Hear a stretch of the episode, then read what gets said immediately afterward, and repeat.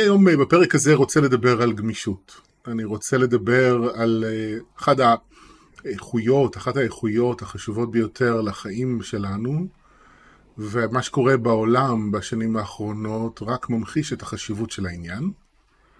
אני בעצם רוצה לדבר על נוקשות ועל שליטה ועל אני יודע איך הדברים צריכים להיות, מאפיינים שאנחנו הרבה פעמים רגילים להעריך אותם, אפילו לקדש אותם, למשל שליטה זה משהו שמלמדים ממש איך לשלוט בכעסים, בהתנהגות, ברגשות, זה נחשב לערך, אבל שליטה ונוקשות, כל התפיסה הזו שאני יודע איך הדברים צריכים להיות, הם דברים שנותנים לנו מצד אחד ביטחון, נותנים לנו כמו איזו תחושה שיש לנו אדמה יציבה, אנחנו יודעים איך להתנהג, אנחנו יודעים איך, איך לפעול, אבל בפועל זה עושה אותנו קשים, וזה עושה את החיים שלנו יותר קשים. אני רוצה לדבר על זה היום בפרק הזה,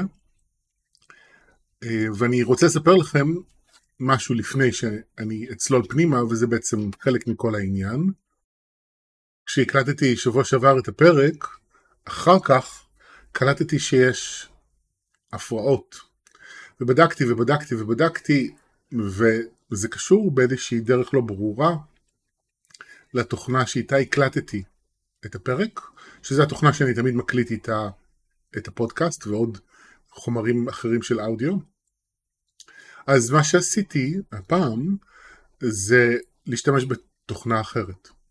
ועשיתי לפני זה בדיקה לראות אם התוכנה ישנה וזה באמת השתפר אבל יש שם עדיין איזושהי בעיה ולא ברור מה, עדכנתי את התוכנה הישנה מחדש, עשיתי את הדברים שאני יודע לעשות, משהו לא ברור והנה אני מוצא את עצמי משתמש בתוכנה שאני בדרך כלל משתמש בה בשביל קטעי וידאו כדי לצלם או להקליט בעצם פרק לפודקאסט. עכשיו זה עניין קטן, נכון? מתחשב בטירוף שקורה בעולם בשנים האחרונות, מגיפה עולמית, מלחמה נוראית באוקראינה שמשפיעה על החיים של כולנו, פוליטיקאים שהורסים את החיים של כולנו, עוד בחירות, עוד בחירות, בקיצור, כל כך הרבה בלאגן קורה, שהעניין הזה עם התוכנה הוא באמת קטן, אבל הוא גם דוגמה לכל מה שקורה בשנים האלה.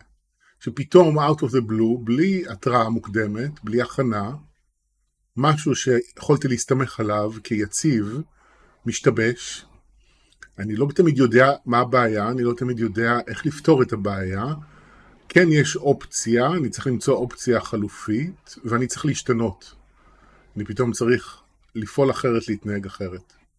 כמובן הקורונה עשתה את זה ביג טיים, אולי עדיין עושה את זה במקומות מסוימים בעולם, המלחמה באוקראינה עושה את זה, פוליטיקאים, קיצור, המון דברים שקורים במציאות הגלובלית, פתאום זורקים אותנו מהגדר ואנחנו כבר לא יכולים להישאר אותו דבר, אבל זה גם קורה להרבה מאיתנו בחיים האישיים, שאנחנו פתאום לא יכולים להמשיך כמו שזה היה, אנחנו לא יכולים לשבת יותר על הגדר ולהתלבט ולא לדעת.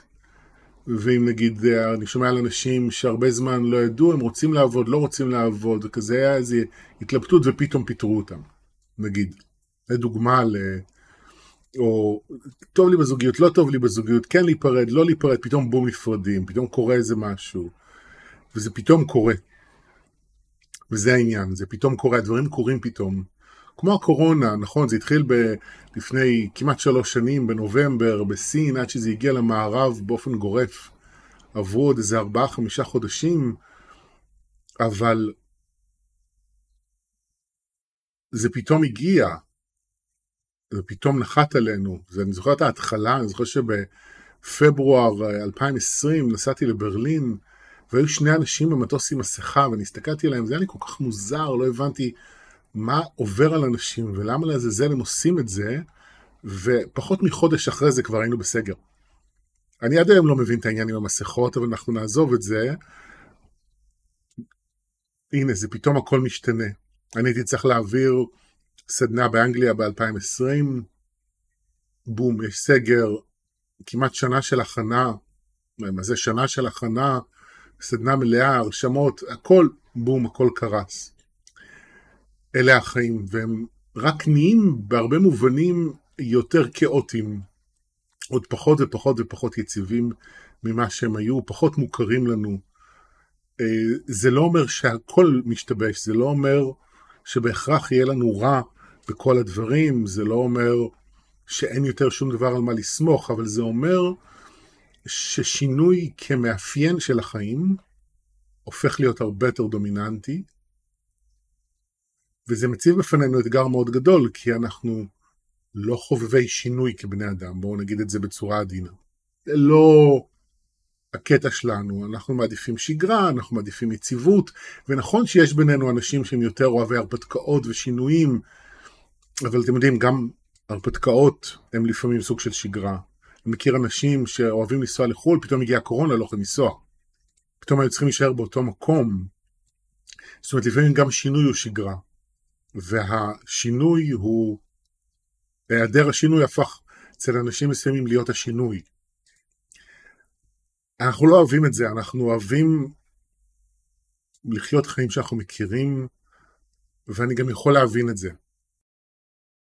אנחנו זקוקים ליציבות כדי להתפתח, אנחנו זקוקים לאיזושהי תחושה בטוחה שיש לנו אדמה מתחת לרגליים, שמתוך זה אנחנו צומחים ואנחנו הופכים להיות מי שאנחנו. דמיינו את עצמנו, כל אחד, את עצמו, בתור עץ, אנחנו צריכים אדמה שיש לנו שורשים בתוכה, כדי שנוכל לצמוח ולפרוח. העניין הוא שאצל כולנו אין ממש אדמה יציבה מתחת לרגליים. התחושה הבסיסית הזאת של הביטחון, שאנחנו יכולים להיות כמו שאנחנו, היא חסרה אצל כולנו. אצל כולנו, ללא יוצא מן הכלל, התחושה הבסיסית הזאת נמצאת בחוסר.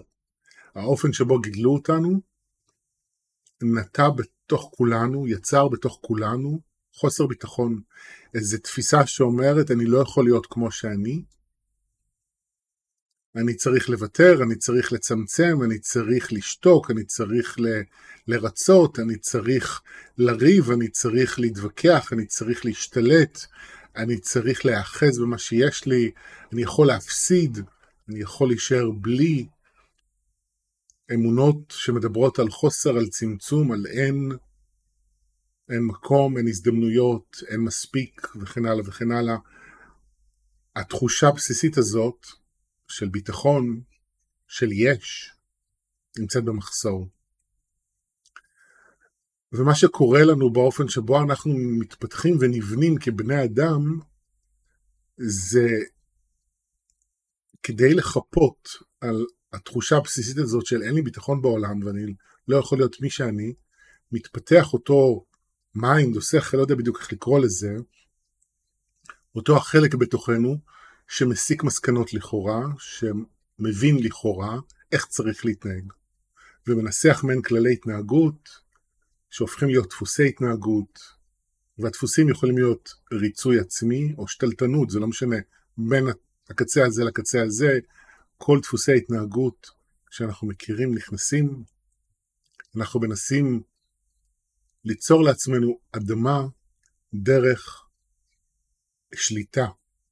כי כלל התנהגות זה בעצם שליטה. אני חייב להתנהג באופן מסוים, החיים הם תמיד כאלה ולכן אני חייב להיות כך וכך.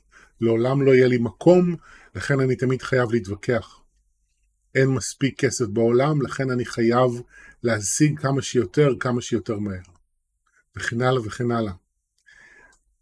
והדפוסים האלו הם דפוסים קשים, הם נוקשים, והם עושים לנו את החיים קשים. הם במצד אחד נותנים מענה לצורך הבסיסי הזה בביטחון שחסר, אבל הם לא מאפשרים לנו להשתנות. כי הם מבוססים על הנחה מקובעת, או, או בנוסחה כזאת, זה, הם מבוססים על נוסחה. בחיים אין מקום לכולם, ולכן עליי לקחת מקום ולא אכפת לי מה יגידו עליי. או לחילופין, אין מספיק מקום, אני חייב לוותר על שלי כדי שהכל יהיה בסדר. זאת, אלה נוסחאות, באופן מסוים אני צריך להתנהג, באופן מסוים אני צריך לחיות. זה כאילו נותן יציבות, אבל זה לא מאפשר התפתחות. ואז אני מתקבע על התנהגות מסוימת. עכשיו, אם אני נכנס למסע מסע התפתחות, אז אני מתחיל להכיר את הדפוסים שלי, את הנוסחאות הפנימיות האלה, את הטראומות שיצרו אותם, את כל הכאבים, ומתחיל ריפוי, ואז מה שקורה, אני מתחיל ללמוד אחרת. תואר אתמול בתקשור שעשיתי דיברו על לשכתב בעצם, שאנחנו משכתבים את התפיסה שלנו, את המציאות, דרך הריפוי. זה מעין פעולה פנימית של שכתוב, של, של תפיסות, של אמונות, דרך עבודה רגשית. אז זה מה שאנחנו עושים, אנחנו בעצם לומדים שאולי כן יש לי מקום, ואולי כן יש מספיק, ואולי אני יכול לקבל דברים בלי לריב עליהם. ואולי, כמו שאני אוהב להגיד, אם אני מתווכח עם מישהו זה סימן שאני מסכים איתו, אז בעצם על מה אני מתווכח. שאולי אני יכול להגיד מה אני צריך או רוצה בלי לכעוס על אנשים שלא הבינו את זה לבד, וכן הלאה וכן הלאה. זאת אומרת, יש, אנחנו לומדים עוד דרכים להביע את עצמנו, עוד דרכים לבטא את עצמנו, ואנחנו לאט לאט יכולים להפוך להיות יותר גמישים. עכשיו, מה העניין? העניין הוא חלק מהאתגר פה, זה שהשכל שלנו, ה mind שלנו, whatever, הוא עובד על שחור לבן, על נוסחאות. ואני רואה את זה בעבודה שלי עם אנשים, איך אנשים כמעט אוטומטית, לא במודע בכלל, הרבה פעמים מתרגמים דברים לאוקיי, הבנתי, עכשיו יש לי כלל חדש. יש נוסחה חדשה, יש כלל חדש, שיוצר עוד רגע שליטה חדשה, וכאילו הוא נותן ביטחון. אוקיי, אז תמיד להתנהג ככה, אז לא תמיד להתנהג כמו שהתנהגתי עד היום, מעכשיו במצבים כאלה אני תמיד אתנהג ככה וככה. אז אם אני למדתי אה, מגיל צעיר להציל אנשים מסביבי, ואני מבין שלהציל אנשים גובה ממני מחיר כבד מהיום והלאה, אני לא, אני לא אציל. אני לא אעשה רק אם אני ממש ממש ממש ממש רוצה. נגיד. העניין הוא בחיים שהם מאוד מורכבים, ויש כל מיני מצבים שאנחנו יכולים להיות בהם. ולמעשה, אנחנו צריכים בכל פעם מחדש לשאול שאלות ולהפעיל שיקול דעת. יש מצבים שבהם זה חשוב שאני אתערב, יש מצבים שבהם זה חשוב שאני לא אתערב, יש מצבים שבהם כדאי לעשות, יש מצבים שבהם לא כדאי לעשות. נגיד, יכול להיות שאני מפחד, אוקיי? נגיד, בוא נדבר על יציאה מהארון, זה נושא שקל לדבר עליו. אני מפחד לצאת עם האמת שלי, אוקיי? לא משנה אם אני להט"בי או האמת היא בתחום אחר לגמרי, אני מפחד לצאת מהארון. יש מצבים שאני אגיד לאנשים, תקשיב, do it anyway. קח בן אדם אחד שאתה פחות מפחד לספר לו, שנראה לך שיש יותר סיכוי שתהיה שם תגובה טובה, תעשה שיחה. אי אפשר כבר יותר להתחמק, צריך לחצות את הפחדים. יש מצבים שאני אגיד לבן אדם, תקשיב, עזוב, חכה, בוא, אתה צריך זמן, לטפל בפחדים, לחזק את עצמך, ויהיה איזה רגע שתרגיש יותר בטוח ותגיד לעצמך, יאללה, עם הפחד אני הולך ומדבר. ואני לא יכול להגיד לכם מתי זה ומתי זה. כי זה כל מקרה לגופו. וזה יכול להיות כל מקרה לגופו, לא כל אדם לגופו, ממש כל מקרה לגופו. זאת אומרת, יכול להיות שבתחום מסוים יש לי יותר ביטחון ושם אני אעשה את מה שאני רוצה גם אם יש בי פחדים. יש תחום אחר ששם אני נורא מפחד, ועדיף שאני לא אעשה את מה שאני רוצה עדיין, ואני קודם כל אטפל בפחדים שלי. יש כל מיני מצבים שאנחנו יכולים להתקל בהם. זו הסיבה דרך אגב שזה נורא חשוב בחיים שאנחנו נקבל עזרה אחד מהשני. אנחנו נתייעץ, שנשאל שאלות.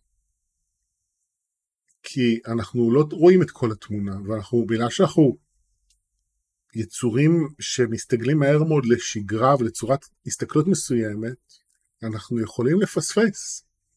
אוקיי, אז אני רגיל להתנהג בצורה מסוימת, ולא לראות שאולי בסיטואציה הזאת כדאי לקבל החלטה אחרת. לכן, לקבל עזרה, טיפול, להתייעץ עם אנשים, חברים, זה, זה כל זה זה נורא נורא חשוב. וכל זה מחייב גם גמישות, לשנות את דעתי, להתנהג אחרת, לפעול אחרת. זה, וזה מאוד מאתגר, כי תחושת הביטחון לא יכולה לבוא מתוך שגרה. היא לא יכולה לבוא מתוך הרגל, היא לא יכולה לבוא מתוך דפוס התנהגות. תחושת הביטחון צריכה לחזור לבוא מתוך האדמה שלנו בעצם. צריכה לחזור להיות או לנבוע מתוך איזשהו בסיס רגשי פנימי. לכן העבודה הרגשית היא נורא נורא חשובה, זה לא שאני רק משנה את האמונות שלי, או לעשות איזושהי עבודה מנטלית. זה לא, זה לא עובד, אנחנו חייבים להיכנס לעומק של השבר שלנו. אתם יודעים, משתמשים הרבה במושג חוסר ביטחון, וזה כבר די מושג שחוק, שאנשים אומרים את חסר ביטחון, חסר ביטחון. בפועל זה, זה לב שבור, זה מקום מאוד מאוד כואב, אה, שאנחנו למדנו להצטמצם, וזה לאט לאט להרגיש את המקומות האלה, להביא לשם מודעות וריפוי, לאפשר לאט לאט לפצעים שלנו להחלים. וכשהפצע מחלים, הכאב מחלים יותר ויותר, אז אני בעצם נזכר בתוך תוכי, לא ברובד השכלי, אלא בחוויה העמוקה שלי, שאני יכול להיות כמו שאני. כשאני מבין שאני יכול להיות כמו שאני, אני הופך להיות, אמ, אני הופך להיות כאן ועכשיו בעצם, אני כרגע נמצא. אני יכול להיות מי שאני כרגע, ואז אני רואה מה קורה כרגע, באיזה סיטואציה אני נמצא, מה אני מרגיש, מה אני רוצה, מה בא לי, מה לא בא לי, ואני יכול לקבל החלטה שהיא נכונה לאותו רגע. אני יכול לראות דרך המציאות, דרך התחושות הפנימיות שלי, מה נכון לי, אם אני לא רואה נכון או לא בטוח בעצמי אז אני מתייעץ, ואז אני מקבל החלטה שהיא נכונה לעכשיו. מה שקורה לנו בדרך כלל זה שאנחנו כל כך מושפעים מטראומות העבר ואנחנו חיים לפי כללי התנהגות שאנחנו לא באמת נמצאים בתוך ההווה שלנו, אנחנו נמצאים ברובד אחר. אנחנו נמצאים לא בהווה. פעם הייתי בסדנת יוגה, לא יוגה צחוק, סדנת צחוק של אמי רביץ לפני הרבה שנים, והוא אמר את זה יפה, הוא אמר, אנשים נמצאים רגע אחד בעבר, רגע אחד בעתיד, ואז אנחנו משתימים על ההווה. כן. וזה ממש ככה, אנחנו באים מתוך טראומות העבר, עושים כל מה שאנחנו יכולים כדי שהם יחזרו על עצמם בעתיד. אנחנו לא באמת נמצאים עכשיו, בעכשיו. וכשאני יותר יודע בתוכי שיש לי יכולת וחופש להיות מי שאני, והכאב שלי מתרפא, אני חוזר לעכשיו. עכשיו אני פה. הרגשות שלי מחברים אותי לעכשיו. הגוף שלי מחבר אותי לעכשיו. מה בא לי מחבר אותי לעכשיו.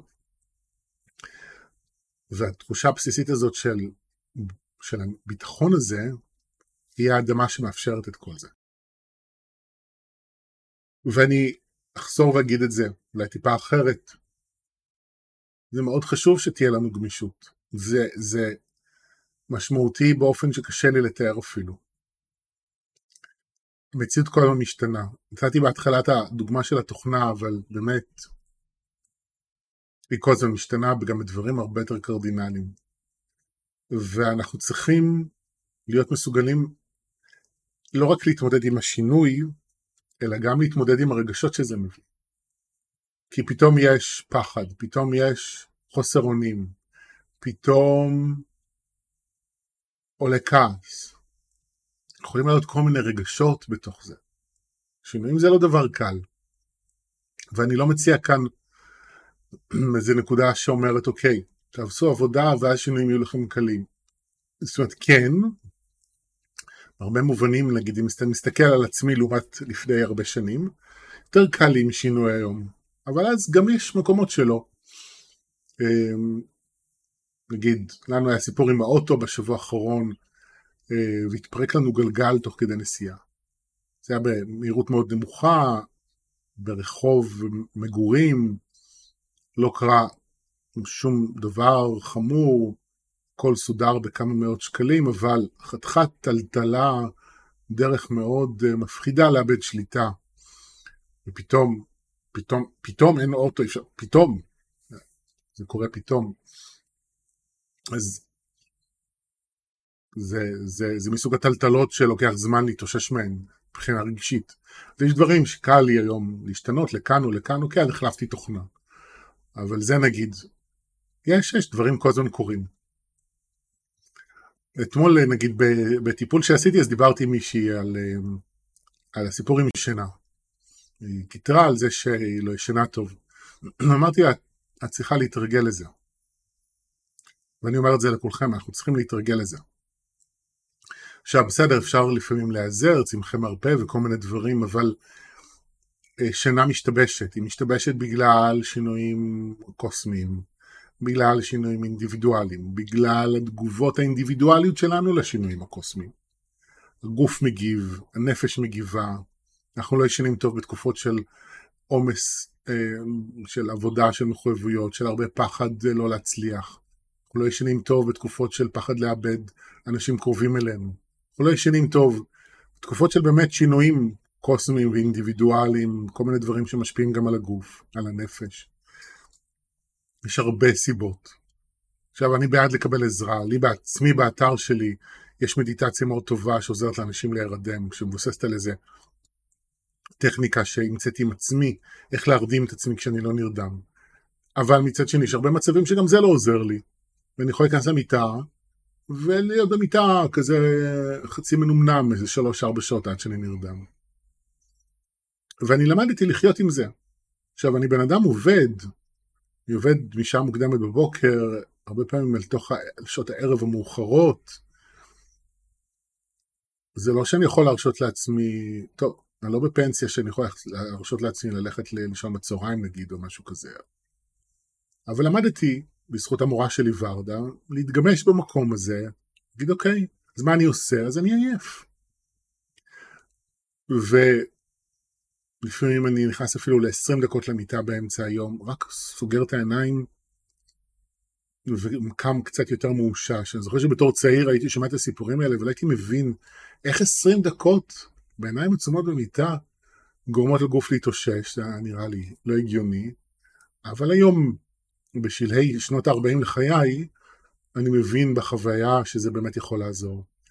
ולפעמים אני, אם אני יכול, אני נכנס אפילו לשעה לישון. אני מאפשר לעצמי את הגמישות הזאת, ואם יש דברים שאני יכול, אני באותם, במשימות של אותו יום, אני דוחה ליום שאני יותר ערני בו.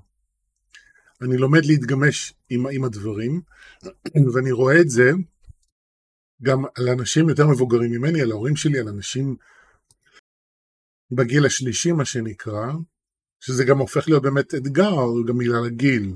אני רואה על עצמי, אני כבר לא יכול לישון עם 10-12 שעות כמו שיכולתי לישון בגיל 20.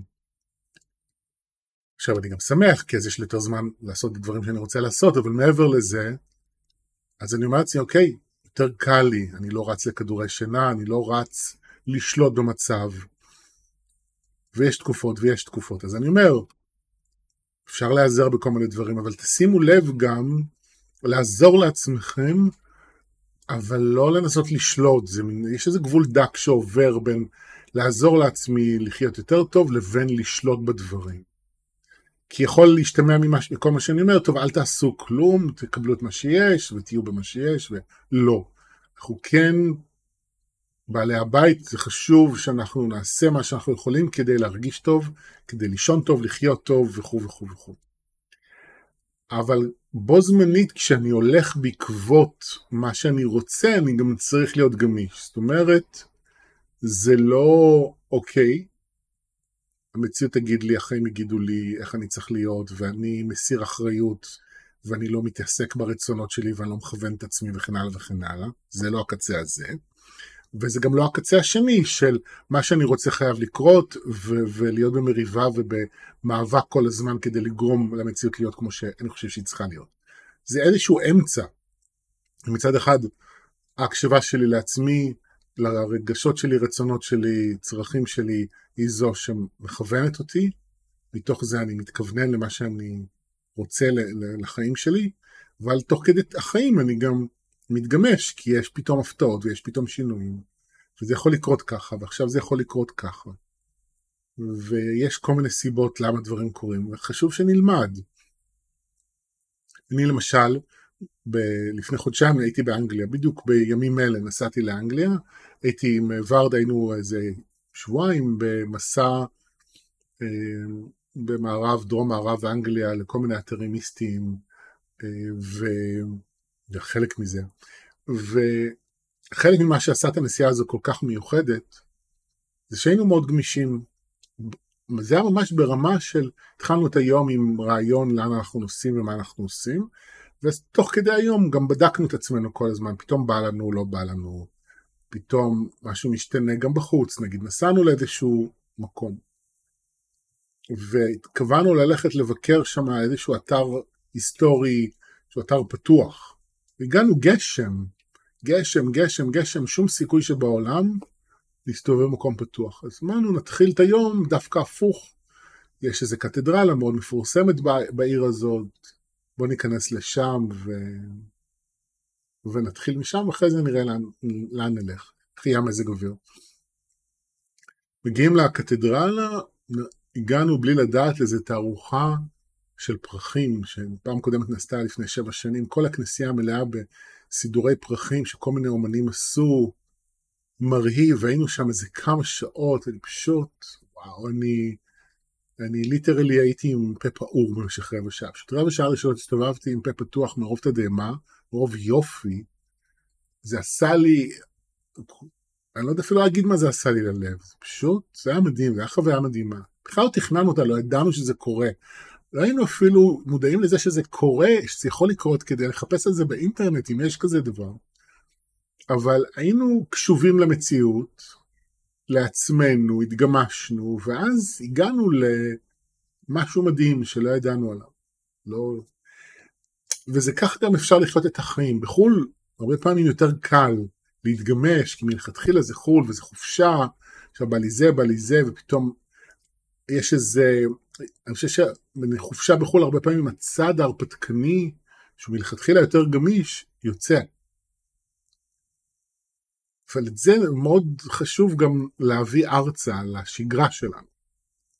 והשגרה היא לא רק אני קם בבוקר הולך לעבודה, ילדים כן לא, זוגיות כן לא, הבית, זה לא רק השגרה הזו, זה גם השגרה הפנימית של איך אני מגיב ואיך אני מרגיש ומה אני רוצה לעשות, לא רוצה לעשות.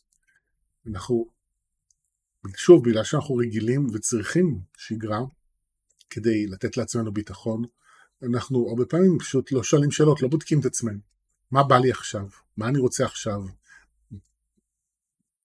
מה אני מרגיש עכשיו? מה כדאי לי עכשיו? לא. אין שאלות, יש אוטומט. ואז באה המציאות ומטלטלת אותנו כדי שנצא מהאוטומטים ונחזור לשאול שאלות. לא נצא מהאוטומטים ונבנה חדשים, אלא נצא מהאוטומטים ונלמד לשאול שאלות. ואתם יודעים, אני ממסע רוחני מגיל מאוד צעיר. התחלתי אותו בגיל 17-18 ואני לומד אצל ורדה המורה שלי מאז שאני בן 19. אני היום בן 46. אני לומד שינוי ולשאול שאלות מגיל מאוד צעיר כבר הרבה מאוד שנים. ואני רואה מהנקודת מבט שלי את מה שקורה בעולם, ואני יכול להגיד שבערך מאז שנת 2000 אנחנו נמצאים באיזשהו תהליך הדרגתי של האצה. שכל תקופה עוד משהו משתנה. עוד האצה, עוד טלטלה, והאינטנסיביות הולכת וגוברת. ועד הגיעה הקורונה, ואני לא האמנתי לאיזה אינטנסיביות יכולה להיות, ומה קורה מאז. אז נכון, החיים יותר אולי כאילו חזרו לשגרה, יש עבודות, אין סגרים, אין חובת מסכות, בדיקות, יש את הקורונה עדיין, אבל בסדר, היא פחות חמורה, פחות מפחידה, בלה בלה. אבל אז יש מלחמה ואינפלציה ו... ואולי מיתון, ובקיצור, החיים שלנו אה, מאוד מאוד מאוד מאוד אינטנסיביים, ואנחנו צריכים כל הזמן לשאול שאלות. אני חושב שאחת הסיבות לבחירות החוזרות ונשנות, כי אנחנו צריכים ללמוד לשאול שאלות ולבדוק כל פעם מה מתאים לנו, מה נכון לנו. אחת הסיבות שזה קורה. כדי שאנחנו נלמד לבחור בכל רגע נתון מה מתאים לי כרגע, ולהסכים להשתנות בהתאם לזה. לשנות דעה, לשנות נקודת מבט, לשנות החלטה, להבין שזה בסדר לשנות את דעתי, בסדר לראות אחרת. זה לא אומר שהייתי לא בסדר בעבר, זה לא אומר שבכך טעיתי. אנחנו מתבגרים, אנחנו מתפתחים, אנחנו משתנים, חיים משתנים, אנחנו מבינים דברים אחרת, ובהתאם העדפות שלנו, הרצונות שלנו, ההחלטות שלנו, וזה בסדר גמור. אז אם יש לכם אשמה שמה שמעורבבת, כל המילים האלה נאמרות ביחס לאשמה שלכם. אני מזכיר לכם, הכל בסדר, אנחנו אמורים להשתנות. לשנות את דעתנו, את הרגשות שלנו, את הרצונות שלנו, יותר ויותר להיות מי שאנחנו רוצים באמת להיות. זהו, עד כאן לפעם, אני מקווה שהמילים שלי עוזרות לכם. ניפגש בפרק הבא. ביי ביי.